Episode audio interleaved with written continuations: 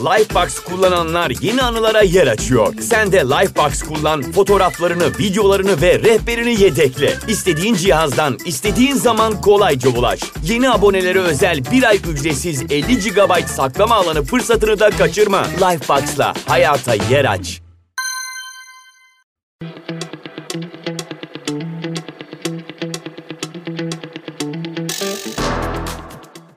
Psikoloji deyince insanın aklına bu alanla uğraşan belli başlı isimler geliyor. Sigmund Freud da bu isimlerden birisi, hatta en önemlilerinden diyebileceğimiz bir isim. Bu değerli adamın psikoloji alanında neden bu kadar önemli olduğunu detaylarıyla anlatacağım sizlere. Birazcık hayatına da değineceğim. Hatta bayağı bir hayatına değineceğim ki rahatlıkla da tanıyın kendisini. Freud toplum tarafından anlaşılmamış bir isim ortaya attığı düşünce tarzları ve Yahudi olması nedeniyle hep dışlanmış ve uçuk görünmüş. Yuhanna İncil'inde gerçek sizi kurtaracaktır diye bir söz geçer. İşte Freud'un ilkeleri en güzel biçimiyle bu dizelerde yer alıyor gerçeğin yani gerçek olanın insanları kurtarıp özgür kılacağı düşüncesi büyük yaşam ustalarının ve düşünürlerin de ileri sürdüğü eski ama aynı zamanda en köklü görüşlerden birisidir. E, Musevilik ve Hristiyanlıkta olduğu kadar Sokrates, Spinoza, Hegel ve Marx'ta da e, aynı inancın izlerini görebiliriz. Freud'un en özgün yanı gerçeğin bilinçli zihinle düşünülen ya da inanılan şey değil de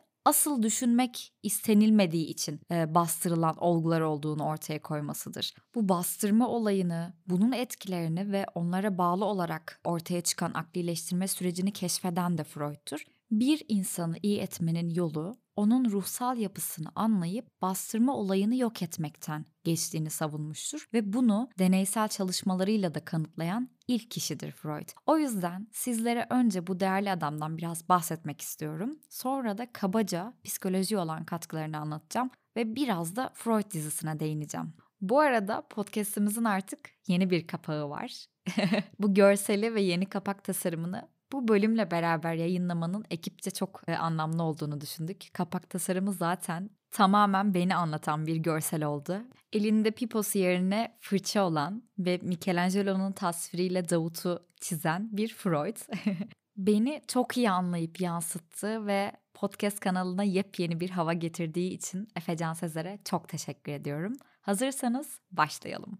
Bu bölümümün konuğu olan Freud, 6 Mayıs 1856'da Avusturya İmparatorluğu'nun Moravya kentinde doğdu arkadaşlar. Şimdiki adıyla Çek Cumhuriyeti Pribor. Babası bir yün tüccarıydı ve 40'lı yaşlarında kendisinden 20 yaş küçük bir kadınla ikinci evliliğini yaptı.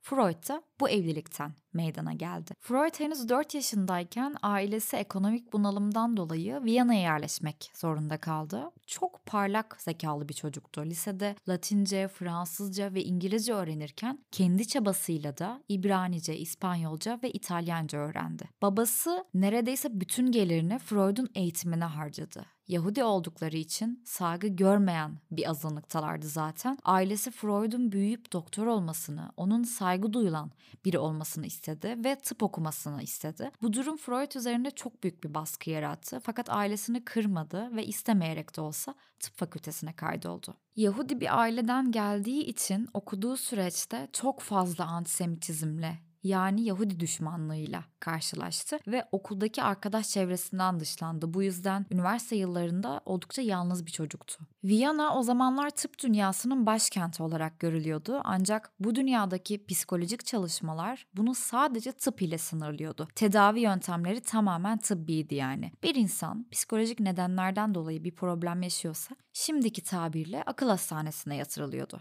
Freud 3. sınıfa geldiğinde anatomi profesörü tarafından görevlendirilerek fizyoloji laboratuvarında çalışmaya başladı ve bu laboratuvarda 6 yıl anatomopatoloji ve insan sinir sistemi üzerine araştırmalar yaptı. Bu arada Freud diplomasını hemen almadı arkadaşlar. Bir 6 yıl geçmesini bekledi.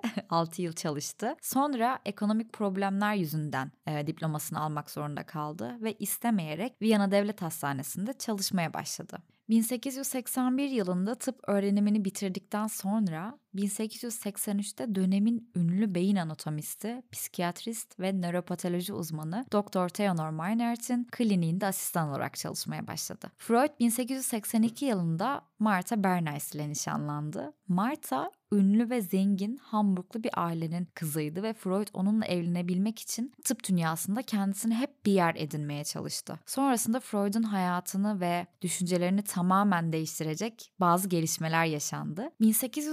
1885 yılında John Martin Charcot adlı Fransız bir nöroloğun yanında olabilmek ve Salpetre Hastanesi'nde kalmak için burs bulup Paris'e gitti. O sırada Charcot hipnotizma ve histeri üzerinde çalışıyordu. Freud da bunların etkilerini gözlemlemek istedi. Charcot'dan çok etkilendi. Hatta Yaşamım ve Psikanaliz adlı kitabında Charcot'a ne kadar düşkün olduğunu belirtmişti. Bu arada Freud'un profesör olması 1902'yi buldu. Ülkede bulunan hatta neredeyse resmileşen bu antisemitik duygular Freud'un profesör olmasını bir hayli geciktirdi. Buradan Freud'un tıp okumak istememesine rağmen yolundan şaşmayan, kendinden emin, hırslı ve çalışkan bir adam olduğunu bence anlayabiliriz. Üstelik öz yaşam öyküsel çalışma ve tıp dışı çözümleme sorunu adlı yazıtlarında yani Yaşamım ve Psikanaliz kitabında insanlığın acılarını dindirmek için özlem duyduğumu anımsamıyorum der. Yani bu adam yaşamı boyunca pek çok kez doktor olmak için özel bir eğilim hissetmediğini dile getirmiş. Zaten bu adam tıp okumak dahi istememişti. Buna rağmen inandığı işlerden ve bu antisemitik duygularla karşılaşmasına rağmen asla ama asla vazgeçmedi. Bu arada Freud ölmeden yaklaşık 2 yıl önce bir ses kaydı bıraktı ve bu ses kaydı 83 yıllık yaşam serüveninde bıraktığı tek ses kaydı. Terapistlerin o dönemde ses kaydı alarak çalıştığını varsayarsak bu tek ses kaydının nedenle önemli olduğunu belirtmeme gerek yok sanırım.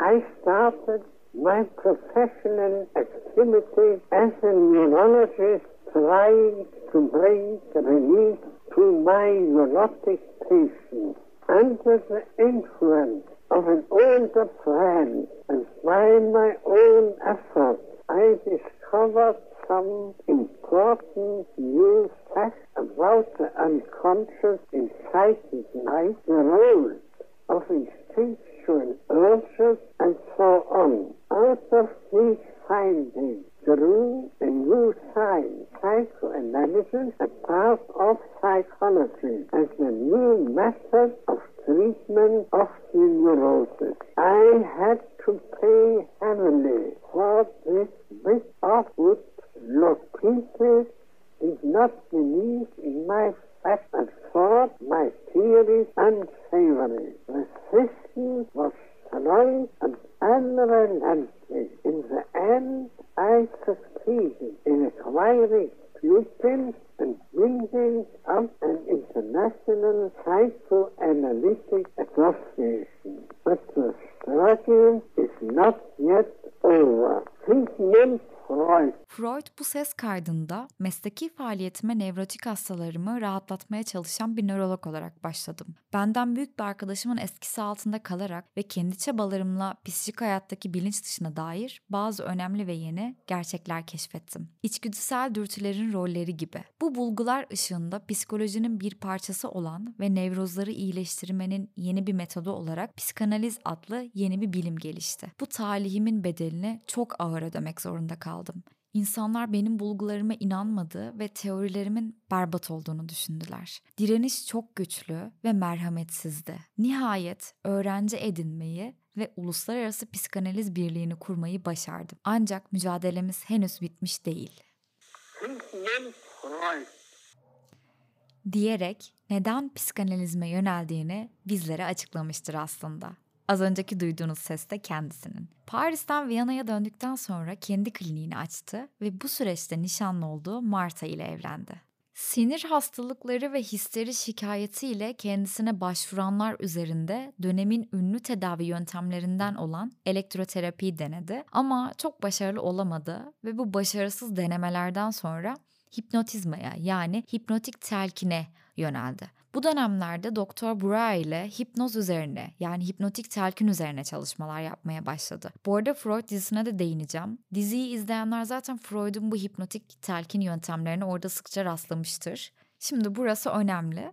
Doktor Bray'in unutulmuş yaralanma adını verdiği bir tanısı var. Yani çocukluktan gelen bir travma gibi düşünebilirsiniz bunu. Siz onu hatırlamıyorsunuz ama bugünkü kişiliğinizin ve benliğinizin oluşmasında büyük ölçüde etkili olduğu bir şeydir bu. Hipnoz yöntemi ile hastaya ilk olarak bu unutulmuş yaralanmayı hatırlatıyorlar. Sonrasında doğru telkinlerle onu tedavi etmeye çalışıyorlar. Ancak bu yöntem her zaman işe yaramadığı için Freud Dr. Breuer ile yollarını ayırdı ve sonrasında serbest çağrışım adını verdiği yeni bir yöntem geliştirdi. Freud bu tekniği hipnoza bir alternatif olarak geliştirdi aslında. Çünkü ona göre hipnozda yanılma payı daha fazlaydı ve hastalar bilinçlerini geri kazanır kazanmaz önemli olan anıları yeniden hatırlayabiliyor ve anlayabiliyordu. Yani unutulmuş yaralanmaları hatırlatmak hasta için pek de sağlıklı ilerlemeyebiliyordu. Serbest çağrışım ise hastanın terapi amacına uygunluğunu ve bağlantısını düşünmeden, aklına gelen düşünceleri ve imgeleri sansürlemeden paylaşarak terapiste veri sağlayan ve terapi içinde taban oluşturan bir yöntem. Bu yönteme göre örneğin aklı araştırılan bir kişiden aklına böyle rastgele gelen kelimeleri söylenmesi isteniyor. Ancak serbest çağrışımın hedefi belirli cevapları ya da anıları açığa çıkarmak değil. Hastanın düşünce, his, eylemlilik ve bireyselliğinin bütünleşmesini artırabilecek bir karşılıklı keşif yolculuğu başlatmak. Freud böylece kişide bilinçli istekten bağımsız olarak işbirliği yapmayı reddeden, direnen bir güç olduğunu keşfediyor.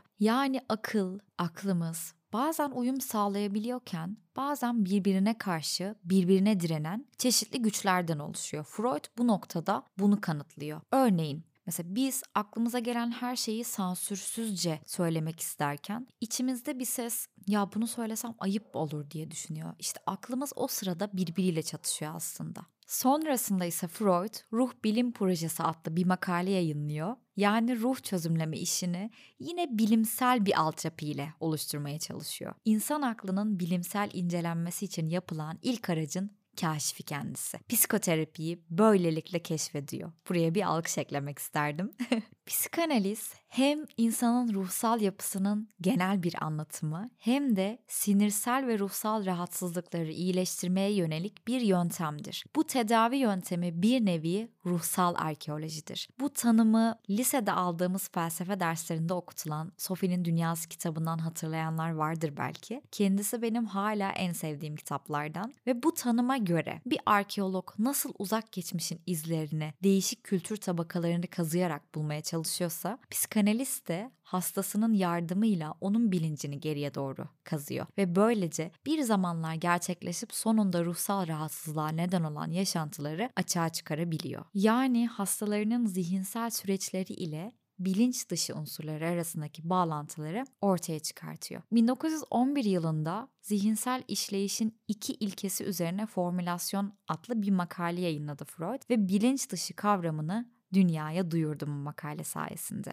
Bu bilinç dışı kuramına göre insan eylemlerini yönlendiren etmenleri böylelikle keşfetmiş oluyor. Id, ego ve süperego. Yani alt bilinç, benlik ve üst benlik. Bu üç katmanı aşağıdan yukarı doğru sıralayalım kabaca. Id yani alt benlik koordine edilmemiş temelinde zevklerin, arzuların, korkuların, ahlak dışı ve vahşi güdülerin olduğu katmandır bu. İçimizdeki doyumsuz hayvan, kendisini yalnızca ihtiyaçlara göre ayarlayan, eleştiri kabul etmeyen, güdüsel, durdurulamayan yanımızdır. Ego yani benlik, bunu aradaki katman olarak düşünebilirsiniz. It ile süperego arasındaki aracılık eden gerçek bir katmandır. İd'in hayali isteklerini gerçeklikte ölçüp mümkün olup olmadığını tartan bir katmandır. Freud ego için id ve süperegonun isteklerini uzlaştırmaya çalışan hakemdir demiştir. Olayları tarafsız bir zeminde kontrol eder. Aynı zamanda eleştiri yapan bölümdür ve güdüleri durdurma ile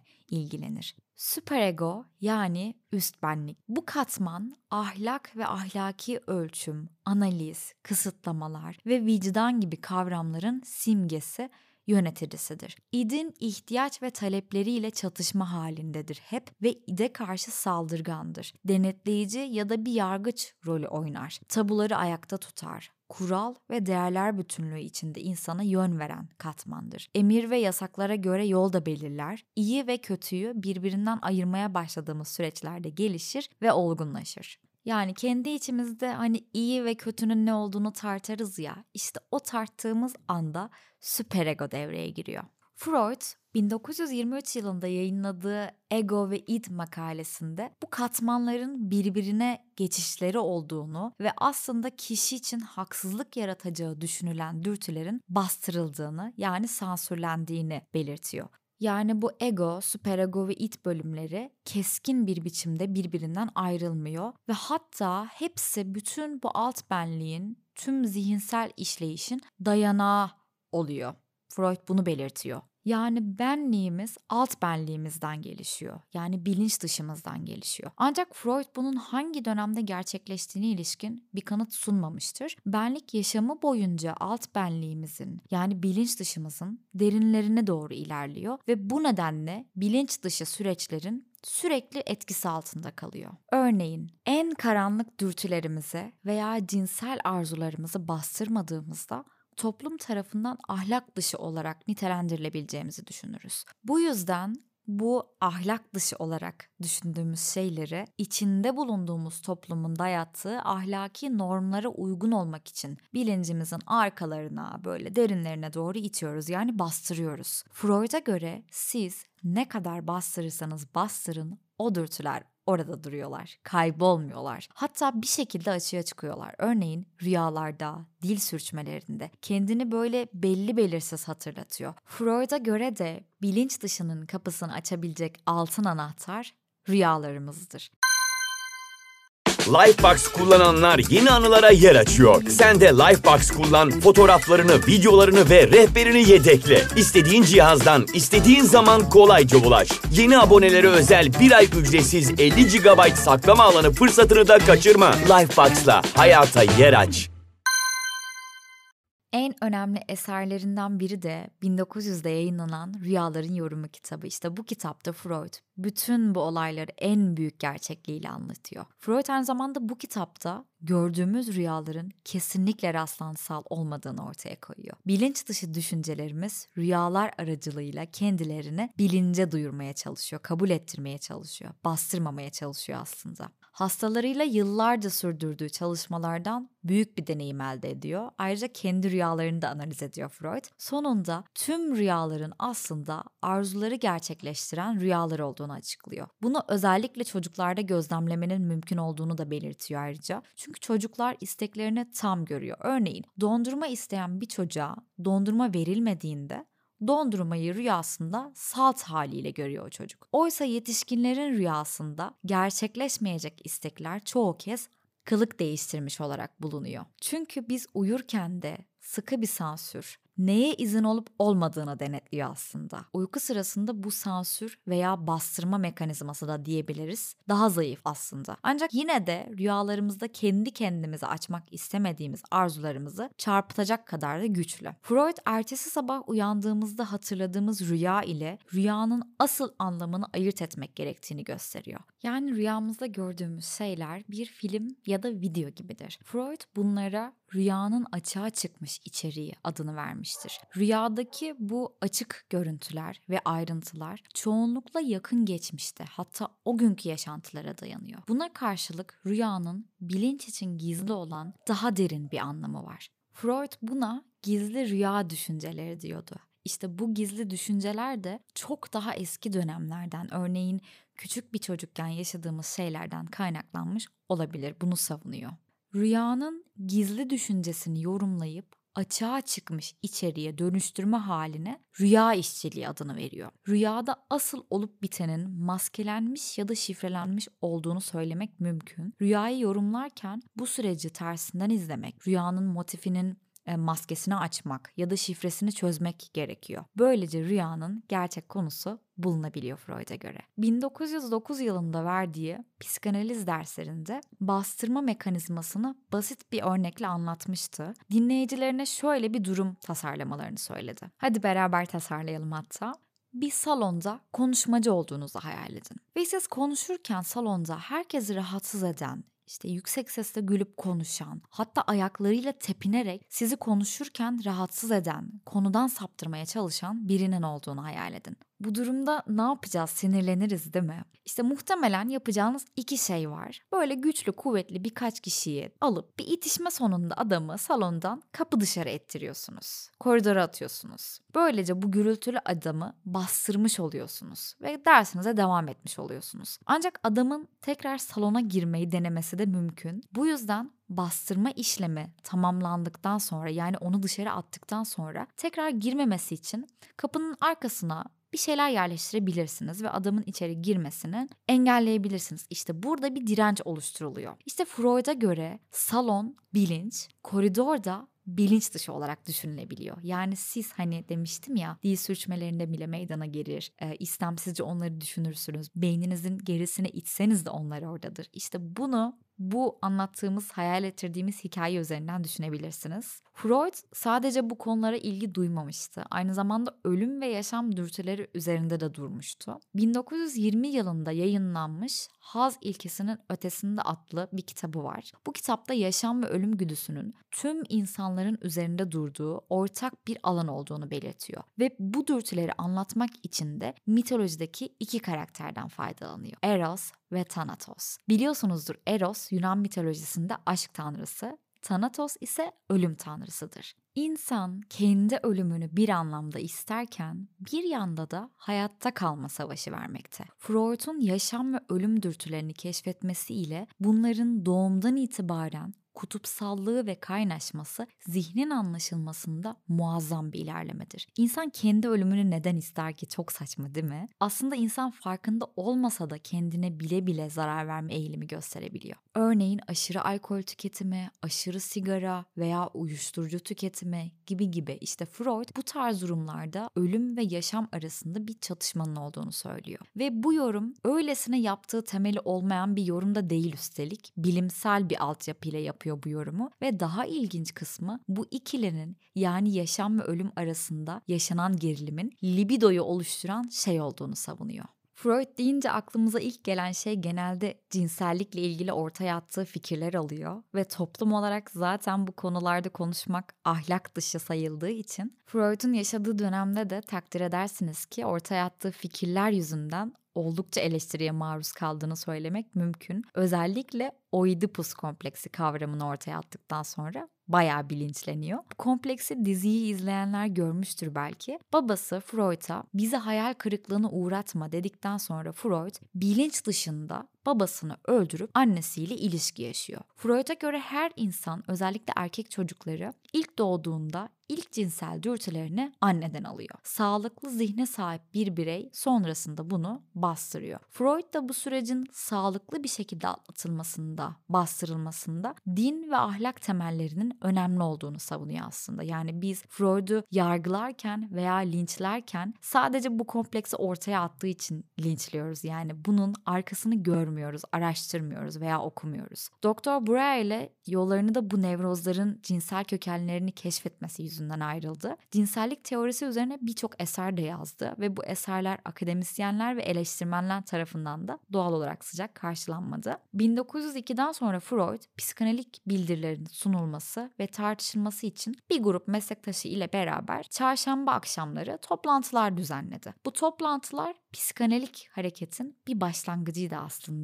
İçinde Carl Jung'un da olduğu İsviçreli psikiyatristler Zürih'te bir çalışma grubu kurdular ve ilk Uluslararası Psikanalitik Kongresi 1908'de Salzburg'da düzenlendi. Bu arada 1907 yılında da Jung Zürih'te Freud Derneği'ni kurdu. Hatta bu Freud için çok büyük bir başarıydı çünkü psikanaliz artık ülke sınırlarının dışına çıkmıştı. Bu kongrelere Jung ve Freud beraber katıldılar ve beraber Amerika'ya yolculuk ettiler. 1910-1920 yıllarında psikanaliz üzerine bir histeri vakası analizi, totem ve tabu, narsizm incelenmesine giriş Yas ve Melankoli adlı eserlerini yayınladı. Bu arada Amerikan sineması yani Hollywood sineması Freud'a ve psikanalize çok ilgi gösterdi. Hollywood sinema yapımcısı Samuel Goldwyn 1924 sonbaharında Viyana'ya Freud'un yanına gitti ve psikanaliz çalışmalarının ticarileştirilmesi ve beyaz perdeye uygun bir öykü yazması için Freud'a tam 100 bin dolar teklif etti. Ancak Freud bu teklifi reddetti. Reddetmesine rağmen Hollywood patronları dediğimiz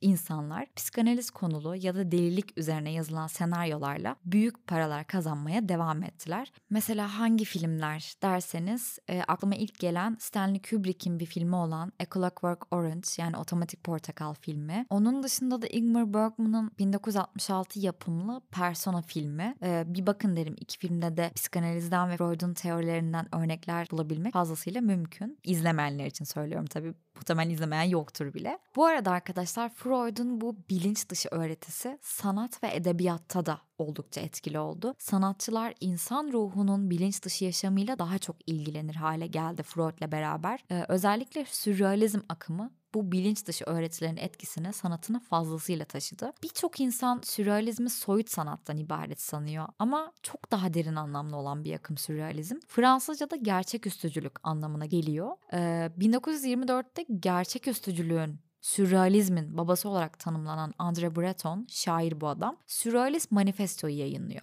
Ve bu manifestoda sanatın bilinç dışı tarafından yaratılması gerektiğini savunuyor. Çünkü ancak bu şekilde sanatçı düşlediği görüntüleri özgür bir ilhamla ortaya koyabiliyor. Ve rüya ile gerçek arasındaki farkın aşıldığı sürrealizme yönelebiliyor. Bilincin uyguladığı sansürü ortadan kaldırıyor ve sözcüklerin, görüntülerin serbestçe akmasını sağlıyor. Ve bu sanatçı için çok önemli önemli bir mesele haline geliyor. Salvador Dali'nin resimlerini aklınıza bir getirin mesela. Nedense soyut resim olarak değerlendiriliyor ama soyut değil arkadaşlar. Dali'nin resimleri sürrealist resimler. Buna çok girmek istemiyorum bu arada. Sonrasında bu sürrealizm akımıyla alakalı daha detaylı bölüm yayınlayacağım. Şimdilik bu konuda meraklı kalın. 1923'te Freud'a üst çene ve damak kanseri tanısı konuluyor ve sonraki yıllarda Freud tam 33 kez ameliyat oluyor. Sürekli protez takması gerekiyor. Bu yüzden uzun yıllar boyunca yeme ve konuşma sıkıntısı çekiyor. Hatta e, yayınladığı bu bahsettiğim ses kaydında da konuşma sıkıntısı çektiğini falan fark edebilirsiniz.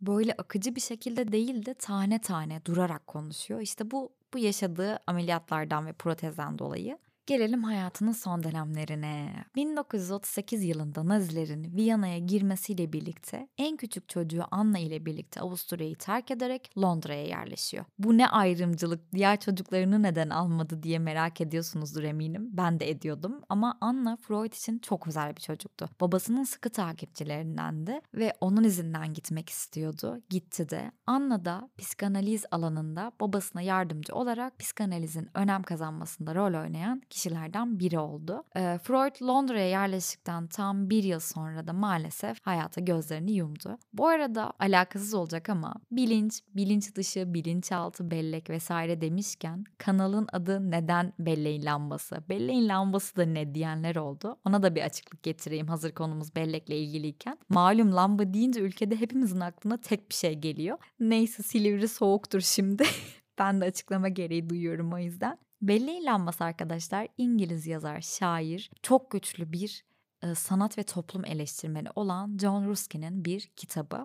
Benim de çok sevdiğim bir kitap bu. E, podcast yapmaya karar verdiğimde bu kitabı ikinci kez okuyordum ve önemli yerlerin diğer her kitapta yaptığım gibi altını çiziyordum. Kanalın içeriği zaten belliydi. Hayatımın büyük ve ayrılmaz bir parçası olan sanat. Bunun yanında da araştırıp okuduğum ve ilgi alanlarımdan olan işte psikoloji ve mitoloji unsurları olacaktı. Ancak kanalın bir ismi yoktu o sıralar ve o ana kadar da bulduğum hiçbir ismin içeriklerime uygun olacağını düşünmemiştim açıkçası. Kitabı okurken de isim bulmam gerektiği aklıma geldi ve kendi kendime böyle kelimeler türetmeye başladım o an. Hatta kitabı okuyordum ama okuduklarımı anlamıyordum bile. Hani bir yere bakarsınız ama bakmak için değil boş bakarsınız ya bu da öyle bir şey. Ee, kitabın kapağını kapatıp kenara koydum ve istemsizce kitabın kapağına şöyle bir dönüp baktım. İşte sorularımın cevabı o an karşımda duruyordu ve neden olmasın diye düşündüm. Böylelikle isimsiz bir bebek olan ve henüz sadece fikirden ibaret olan podcast kanalıma bir isim bulmuş oldum. Her yeni içerik benim için bir bebeğin yavaş yavaş yetişmeye, büyümeye başlaması gibi. Buna tanık olanlara, işte bu süreçte destek olanlara, dinleyenlere, paylaşanlara ve ben hiçbir şey bilmezken başladığım bu işte bütün yükümü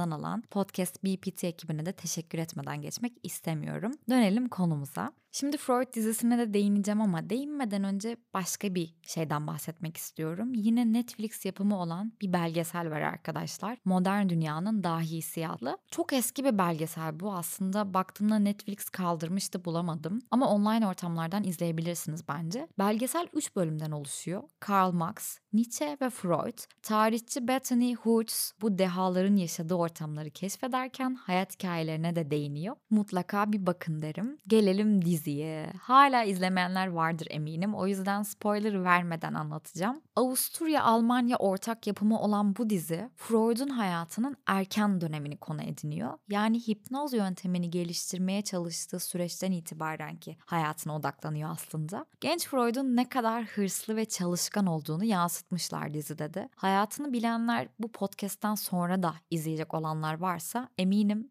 bazı detayları yakalayacaklardır. E, kokain bağımlılığına dahi dikkat çekilmiş. Kendine hipnozu ve psikanalizi eski kafalardan oluşan bir kurula kanıtlamak için gece gündüz çalıştığını görüyoruz. Katıldığı bir davette de hatta ayin de diyebiliriz, medyum olan Flor Salom ile tanışıyor ve bu kadının zihninde yolculuk yapmaya çalışıyor. Başrolde Freud olarak Robert Finster var. Toplumdaki kalıplaşmış dogmatik yargıların insanları nasıl etkilediğini ve bu etkilerin bilimle nasıl yıkıldığını izliyoruz aslında. Dizinin ilk çıktığında Türkler tarafından Twitter'dan linçlendiğine şahit olmuştum. Şaşırmamıştım açıkçası. Freud'u ve öğretilerini bilmeyen, anlamayan herkeste bir linçleme girişimi söz konusu zaten. Ama Freud kendi döneminde de linçlenmeye çok müsait yapıda bir adam olduğu için bilimsel olarak gösterdiği o çabadan çok böyle magazinsel diyebileceğimiz tarafları e, insanların düşünce yapılarına uygun olmayabiliyor. Her şeyi tüm gerçekliğiyle yaymak,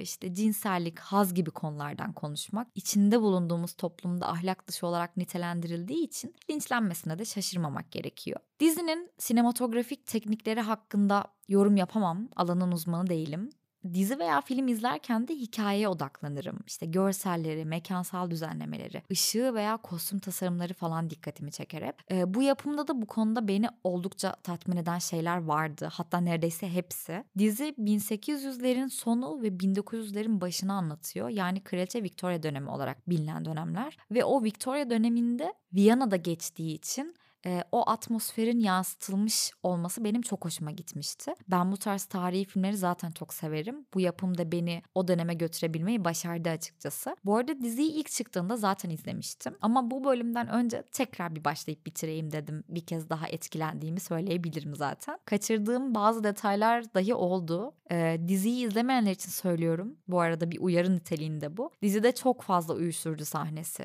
cinsellik, işte şiddet var. İdin yani bilinç bilinç dışının çok fazla sergilendiği unsurlar var. Bunlar zaten Freud'un da üzerinde durduğu şeyler olduğu için biraz rahatsız edici gelebileceğini söylesem haksız sayılmam. Dizi Freud'un hayatını bence çok başarılı bir şekilde yansıtıyor. Aksini düşünenler için belirtmek gerekirse zaten adı üstünde dizi, belgesel değil. Tarihi bir karakter üzerinden oluşturulmuş kurmaca bir yapım bu. Bu yüzden Freud'u tanımayanlar için öğretici bir içerikle karşılaşılacağını düşünmüyorum. Ama tanıyanlar mesela Oedipus kompleksinin olduğu bir sahne vardı bahsetmiştim. O sahneyi gördüklerinde aa evet buna da gönderme yapmışlar diyorsunuz. Freud'u yansıtan detaylar bir yana 19. yüzyıl sonu 20. yüzyılın başındaki Viyana tıp dünyasını geniş bir perspektiften de göstermişler bizlere. Ee, bence oldukça başarılı bir yapımdı. İzlemeyenlere öneririm ama uyarıyorum. Rahatsız olmayı göze alıyorsanız izleyin. Sonra bana gelip de ya Eden ne biçim dizi önermişsin demeyin. Sevmek ve çalışmak insaniyetimizin mihenk taşlarıdır demiş Freud. Ben bu bölüm için çalışırken gerçekten inanılmaz keyif aldım. Umarım siz de dinlerken aynı keyif almışsınızdır. Kendinize güzel bakın, sanatla kalın. Hoşçakalın.